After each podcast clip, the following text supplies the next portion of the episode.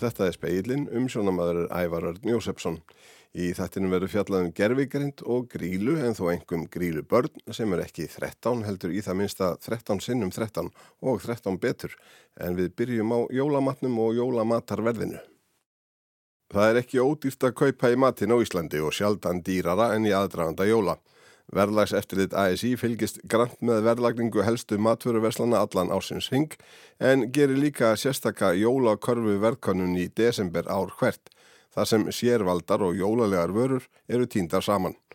Sú konnun var gerð hinn 13. desember í ár rétt eins og í fyrra og niðurstöðunar voru byrtar í byrjun vikunar. Samkvæmt þeim hefur verðið á jólakræsingunum hækkað á bylunu 6-17% á milli ára á sama tíma og vísitala maturverðs hækkaði um 11%. Hækkunum var mest í verslunum Æsland eða 17% og litlu minni í hagköpum 15% og í fjardarkaupum var jólakarfan 13% um dýrar í ár en í fyrra. Minnst var hækkunin í heimkaupum 6% en í hinum verslununum sem kannunin nær til, netto, bónus, krónunni og kjörbúðinni var hækkunin á bilinu 7-9%. En hvað er í jólakarfunni? Benjamin Julian, verkefnastjóri verðlags eftirlits ASI, veit allt um það. Það eru alls konar vörur, þetta er eitthvað kringum 100 vörur og það er rosalega mikið af konfekti, það er eitthvað af, hérna, eitthvað af uh, mjölkurvörum og ostum og þess áttar og keggs og bara svona hlutir sem eru líklegir til að vera keftir þegar líður í jólum. Hangi kjött og lögabröð? Já, eitthvað svo leiðis. Töluverður munur er á því eftir vöruflokkum hversu mikil verðhækkunin er. Þannig hækkar verð á drikjarvörum langmest í flestum veslunum. Það er að segja öðrum drikjarvörum en te og kaffi sem ekki hækkaði mikið á milli ára. En góstrykkir og aðri svaladrykkir hækkuði víðast hvar mikið og reyndanum nær helming þar sem mest var í Æsland. Keks og sælgæti var sá flokkur sem hækkaði næst mest og innan þess flokks var Quality Street konfektið eða Macintosið í algjörum sérflokki sem hástökk var í ásins en verða því hækkaði á bilinu 30 til 45% nemaði fjardakaupum þar sem það stóð í stað. Verða á kjöti hækkaði líka meðaltali meira en annað eðum 17% milli ára og hangi kjötið um alltaf 20%. Það er því freistandið álíkta að verslanir séu að hækka mest verðið á þeim vörum sem eftirspurn eikst mest eftir fyrir jólinn. Nú er erfitt að segja hvert má reykja þetta sko. Það er náttúrulega þannig að það hefur orðið mjög skindileg verðbólka frá því í fyrrabor og svo verðbólka hún hefur seittla út á mismunandi tímum yfir mismunandi, flætti yfir mismunandi vöruflöka mismunandi tímum og það er erfitt að segja sérstaklega þegar kemur einhver ástíðabundinni vöru hvernig hún passar inn í þá mynd. En það sem við erum að gera þá núna líka til þess að geta haft um, betri tilfinningu fyrir því hvernig þessi hraða verðbólka, þessi, þessi, þessar öru efnarslegu breytingar eiga þessi stað er að taka verðmun téttar á, breyðari grunni og það höfum við verið að gera frá því sent í sumar. Og það segir okkur það ímislegt eins og til dæmis eru við þá bara komið með daglegt eftirlit með sumum vörum í sumum búðum og erum að reyna að, að auka, auka þetta eftirlit eftir því sem við getum og það gefur okkur talsverð skýrari mynd heldur en jólakönnunin sem er þá á, á mikið takmarkaðar í grunni en á móti kemur að við erum ekki komið með þannig gögn fyrir heilt ár núna þannig að við erum ennþá að vinsa út hvað af þessu er árstíðabreitingar, hvað af þessu er, er verbulgu skotið sem við erum ennþá að reyna að kefa og hvað af þessu er, eru verslanir að breyta álagningar aðferðunum sínum. Þú segir að þið sé að kann að verða á hverjum einasta degi núna?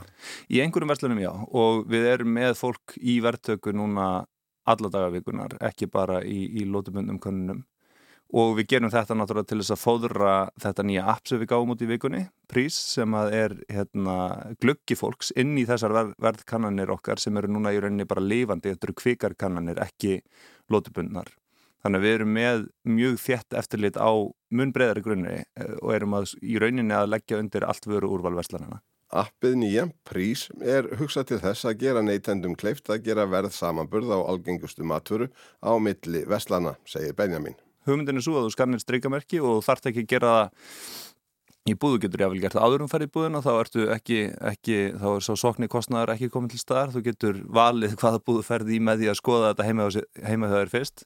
Uh, en, en síðan í augnablikinu er þetta bara í rauninni, við erum að lega fólki bara að sjá og fá vitund fyrir því hversu breyði eru verðbílinu á Íslandi, það er hugmyndin með appinu núna. Og þú getur sótt þetta í, í hérna Play Store fyrir, fyrir Android síma, þú getur sótt í App Store fyrir iPhone og þú getur þá skoðað skanna strykamerki á einlega hvaða matvöru sem er og það er aðeins fleiri vöruflokkar þar en við erum ekki að auglýsa þá eitthvað sérstaklega. Við lofum engri, engri virkni umfram bara að þessa, þessa matvöru sko.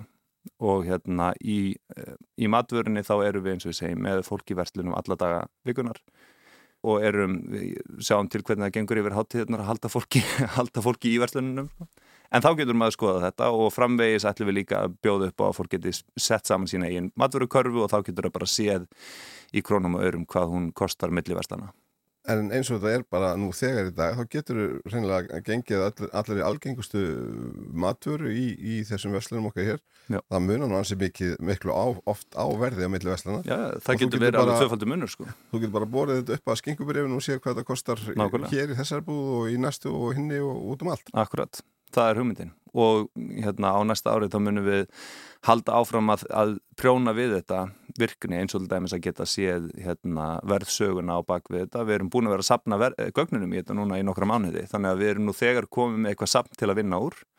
Og við getum þá líka, við, við vorum ekkert að fara eitthvað hátt með það þegar við vorum byrjuð, byrjuðum á þessari gagnaöflun en Núna er þetta öllum aðgengilegt og framvegis munum við þá geta gert hluti eins og að byrta, byrta sögu, verðsögu, vörunar innan verslunarinnar og svolítið. Og ef að, ef að manni finnst eitthvað gruggugt við það, ef maður sér útsalinn er ný búinn, þá kannski bara hættir maður við að kaupa vöruna og býður eftir næstu útsölu eða, eða eitthvað þarfram til guttunum. Eða ef maður er að nexlast á því en man ekki hvort að hafa verið þessi vara en einhver önnur, einhver önnur sem, að, hérna, sem að var mikið ódýrari síðast ef maður fór í búðina, þá getur maður bara skoða það og það náttúrulega munur ekki bara millir veslan heldur eins og þú segir, líka millir daga. Akkurat. Er mikið flögt á, af því þú segir að þið séu með uh, verðkörnun alla daga núna, mm. er mikið flögt á verði það á millir daga? Já, já, já, það er, það er alveg talsvert, talsvert flögt á, á og það kannski þarf ekki að undra að það eru sumar vörur sem eru seldar mikið, mikið meira fyrir jól heldur en eftir jól og búðina vilja náttúrulega koma þeim út á meðan, að, á meðan fólk hefur einhvern áhuga á að kaupa þér og þetta, ég tók kannski helst eftir sem er jóladagatölu, fyrsta desember þá náttúrulega bara þetta er heilræði fyrir næsta árið og við köpum jóladagatal, köftu það þá fyrsta desember en ekki, ekki 30. november og, og þar fram til kvöldunum þetta, þetta er náttúrulega, þetta er bara eitthvað sem að búðunar, maður sér í hendi sér ef maður ímynda sér að vera verslunstjóri að augljóslega myndir maður gera þetta svona, það, maður reynir að komast út á fullu verði á meðan að fólk hefur áhuga að kaupa þetta og svo þegar að, þegar að hérna, hittnar í kólunum og dagarnir, dagarnir fækka sem að þetta er söluvanlegt, það er náttúrulega lækkar verði. Hvað er að lækka mest núna, veistu það? Já, ég kíkti aðan það, ég tók eftir ég að laufabröðið, okkar laufabröðið netto lækkaði um helming aðan og vanilur ringir frón í uh, krónunni ef að, hérna, ef ég mann rétt, sama sagan þar, helmings, helmingslækun og þetta er, þetta er aftur svo ég tali bara opinskátt, við erum með reysa, reysastórt safnugögnum og við erum spenntið yfir því að sjá hvað við sjáum þar og værum alveg til í að byrta eins mikið af þessu við getum og það verður bara verkefni næsta árs að leika okkur með þetta sjá bara hvað við getum gert og hvernig við getum byrtið þetta. Sæði Benjamin Júlían. Hægt er að kynna sér hvortvekja verðkonunina og appið prís á heimasíðu alþýðisabansins asi.is.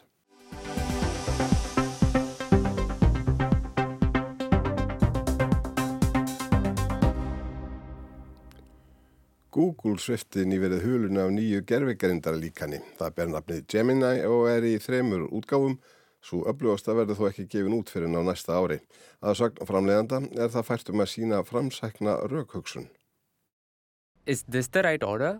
No, the correct order is Sun, Earth, Saturn. Þarna mætti halda við hefðum heyrt í nýju gerfigrindarlíkani að tjá sig. Google svifti nýlega hulun af því en það er það fyrsta sem kynnt er síðan alþjóðleira ástefna um öryggi gerfigrindar var haldin í Breitlandi í síðasta mánuði. Líkanið var nefnt Gemini eftir saminningu tveggja gerfigrindardeilda Google í april síðaslinum. Google Brain og DeepMind en Gemini þýðir tvíburi á latínu. Að sögn Google stendur það chat GPT framar í flestum prófunum og því er haldið fram að það sé fært um að sína framsækna raukugsun á mörgum sviðum. Þar á meðal getu til að fara yfir og leiðrætta heimaverkefni nefnda í eðlisfræði. Ef betur er aðgáð er það einungis rétt að hluta til. Staðrindin er svo að Gemini stendur sig aðeins örlítið betur og sviðum sem chat GPT náði tökum á fyrir tæpu ári. Líka niður í þremur útgafum og sagt fjölkerfa eða multimótal á ennsku. Það þýðir að það á að geta skilið texta, hljóð, myndir, myndbönd og tölvukóða samtímis að sögn Google. Gemini hefur verið byrt í formi uppfarslu á spjallborði Google yfir 170 löndum og þar á meðal bandaríkjónum. Tvær minni útgáfur af Gemini, Pro og Nano, komu út snemma í desember. Pro líkan er hægt að nálgast á barð spjallborði Google og Nano útgáfan verður í farsímun með Android-kerfi Google. Þriðja og öflugasta útgáfan Ultra er enn í prófun og verður ekki gefin út fyrir enn í byrjun næsta árs þegar hún verður einnig samþætt útgáfi af barð spjallborðinu. Gemini Ultra er sagt standa sig betur en bestu gerfugrindar líkunin til þessa þar á meðal öflugasta líkan chat GPT, GPT-4 á 30 af 32 viðmunaprófum þar á meðal í raukugsun og myndskilningi. Gaggrínendur hafa því sagt að ef farið fram sem horfi og líkanið verði kynnt í janúara næsta ári verði ekki langt í að önnur gerfugrindarlíkun taki fram úr Gemini Ultra.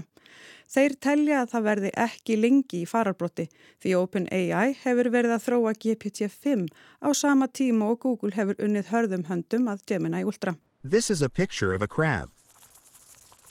That's right. Kynningar myndbönd sem Google byrti um möguleika Gemini eru við fyrstu sín afar tilkomi mikil. Geta líkansins til að rekja pappísbolta undir plastbotla eða álíkta að myndsi af krabba áður en hún er teiknuð sínir glögt þá raukugsun sem DeepMind gerfigrindarstofa Google hefur þróað í gegnum árin. Google viður kennir að myndbandi sé klift. Í sínidæmum hafi byggtími svara líkansins verið stittur og afkvöst Gemini gerð hnitmiðari. Það þýðir að tíminn sem það tók að svara hverju svari var í raun lengri en sínt var í myndbandinu. Based on their design, which of these would go faster? The car on the right would be faster. It is more aerodynamic. Sýnikenslan var heldur ekki framkvæmt í rauntíma og notaði ekki eigin rött. Talsmaður Google sagði að upptakan hefði verið sett saman með því að nota kyrmyndir úr myndbandi og líkanið svo matað á texta. Með öðrum orðum Röttin í sínikennslinu var að lesa upp manngerðar beðnir sem þeir höfðu matað Gemini á og því sínt kyrmyndir. Það er allt annað en Google virtist verið að gefa í skinn að einstaklingur gæti átt í hnökuralösu talsambandi við Gemini þegar hann horfi á og svaraði í rauntíma. Demis Hassabis, framkvæmdastjóri DeepMind, Google fyrirtækisins í London sem þróaði Gemini, sagði þetta vera flóknasta verkefni sem þau hefðu unnið að og þetta hafi verið gríðarlegt átak. Í myndbandinu er heldur ekki tekið fram að þetta sínidæmi sé mögulega unnið með Gemini Ultra, líkaninu sem enn hefur ekki verið gefið út. Það eitt bendir til þess að Google vilji minna okkur á að það búi yfir stærsta teimi gerfigreindar rannsóknar manna í heimi og hafi aðgangað fleiri gögnum en nokkur annar. Sem er heppilegt þar sem Gustaf hefur verulega í kringum keppinautin OpenAI að undanförnu. Hassabis sagði að gögnin sem notuð væru til að þjálfa Gemini hefði verið fengin úr ímsum áttum, meðal annars af veraldarvefnum. Útgáfu fyrirtæki og fólki í skapandi greinum hafa mótmalt því harðilega að fyrirtæki sem þrói gerfigreind nýti höfundaréttarvarið efni sem er aðgengilegt á netinu til að byggja líkun. Áhyggjur fólks af gerfugreind eru allt frá því að búið sé til ofurgreind kerfi sem maðurinn missi stjórn á yfir í að dreift sé svo miklu magni af fölskum upplýsingum að það hafi áhrif á úrslitt kostninga. Margir þjóðarleituar hafi líst áhyggjum sínum af áhrifamætti gerfugreindar á samfélag og líðræði eftir að ímis gerfugreindar fórið voru gefun út á síðasta ári. Þá hefur Úrsula von der Leyen, fórseti framkvæmdastjórnar Evrópusambandsins, skipa nefnd sérfræðinga sem eiga að kortleggja áhrif og áskoranir sem fylgja nótkun gerfegrendar. I see you're drawing a guitar. You've added an amp. Now it's an electric guitar. We can make some seriously loud music now. Það var Valgerur Greta Gröndal sem saði frá.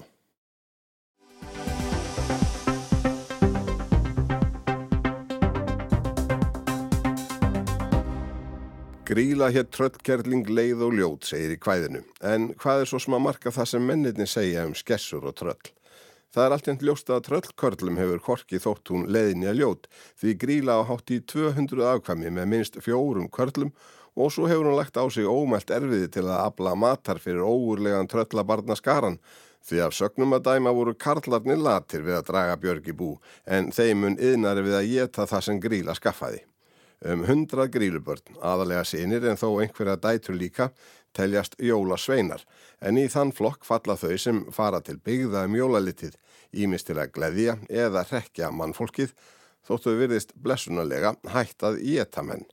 Hinn grílubörnin, 8-10 eða svo, eftir fróðustu mannatalningu, halda sig hins vegar fjarrri mannabygðum og gera vist fátt annað en að sofa og geta alla daga, allan ársins hring, að sög dagrunar Óskar Jónsdóttur þjóðfræðings og sérlegs Jólafóla sérfræðings speilsins. Við endum þennan síðasta speilstátt fyrir jól á lestri Jórunar Siguradóttur á heitum meiri hluta þessa mikla grílubarna skara. Askur hnútur Hniðja hnúta lúpa, stampur, strokkur, höttur, knútur, koppur, kútur, nútur, strútur og strimpa, strokkur og stútur, killir og kippa, langleggur, leiðinda skjóða. Jónar tveir og leppa tuska, nafar og næja, tafar og taska og tæja, lápur skrápur, bútur, pútur, langleggur, sigurður og sigkvatur, stefnir og stefna og skreppur og skotta og skráma og stikil og þóra. Dallur og nýpa, killir og týpa, þrándur, þröstur og gráni, leppur, skreppur, Lóðinn. Póki. Ljótur og láni. Lápur og skrápur. Byggja og bokki. Bodli, botni og bóla. Nývill sleggja, surtla, flaska, bringi, böðvar og sóla. Auðsa og mösull og mukka og djangi. Dúða, durtur og dáni. Völustallur og sláni askastleikir, gluggagægir, guttormur og giljagaur. Bandaleysir, bjálfansbarnið, hlöðu, strángi, stekjar, staur. Gáttaþefur, pottaskefill, pönnuskuggið, horlákur og þambar skelfir. Lampaskuggi, litli drömbur, litli pungur, lækjaræsir og lútur. Móðbingur, sletta, smjörhákur, svellabrjótur og svartiljótur. Rauður, retta, refur, tútur, reykjasvelgur og rjómasleikir, pönnusleikir, pottasleikir, þvengjasleikir, þvörusleikir, kertasleikir, skopnasleikir, fróðusleikir, flórsleikir, flótsleikir og sirjusleikir. Stegaflækir, stengrimur, stóridrömbur og stúfur, bagalútur, móamangi, bjálmannsbarnið, bitahengir, nútur, bjálminn sjálfur, bjálfinn bjúkna, krækir, tígull, tífall, tífill, skefill og skirgámur skirjarmur, kletta skora, kettkrókur og kleinusníkir, flótsokka og lummusníkir, flótnös og kertasníkir, hurðaskellir, gangagægir, kattarvali og örfadrömbur, lúnaslettir, flótgleipir, flautaþyrill, fannaþeikir, og falda þeikir. Efri drömbur, dúða, durtur og drömbur fyrir alla. Þetta var Jórun Siguradóttir. Fleira er ekki í speklinum. Tæknum að það var Magnús Þorstein Magnússon. Hægt er að hlusta á speilin í spilararúf og helstu hlaðvarps veitum. Þáttur vera næsta á dagskrá miðugudaginn 28. desember. Verðið sæl.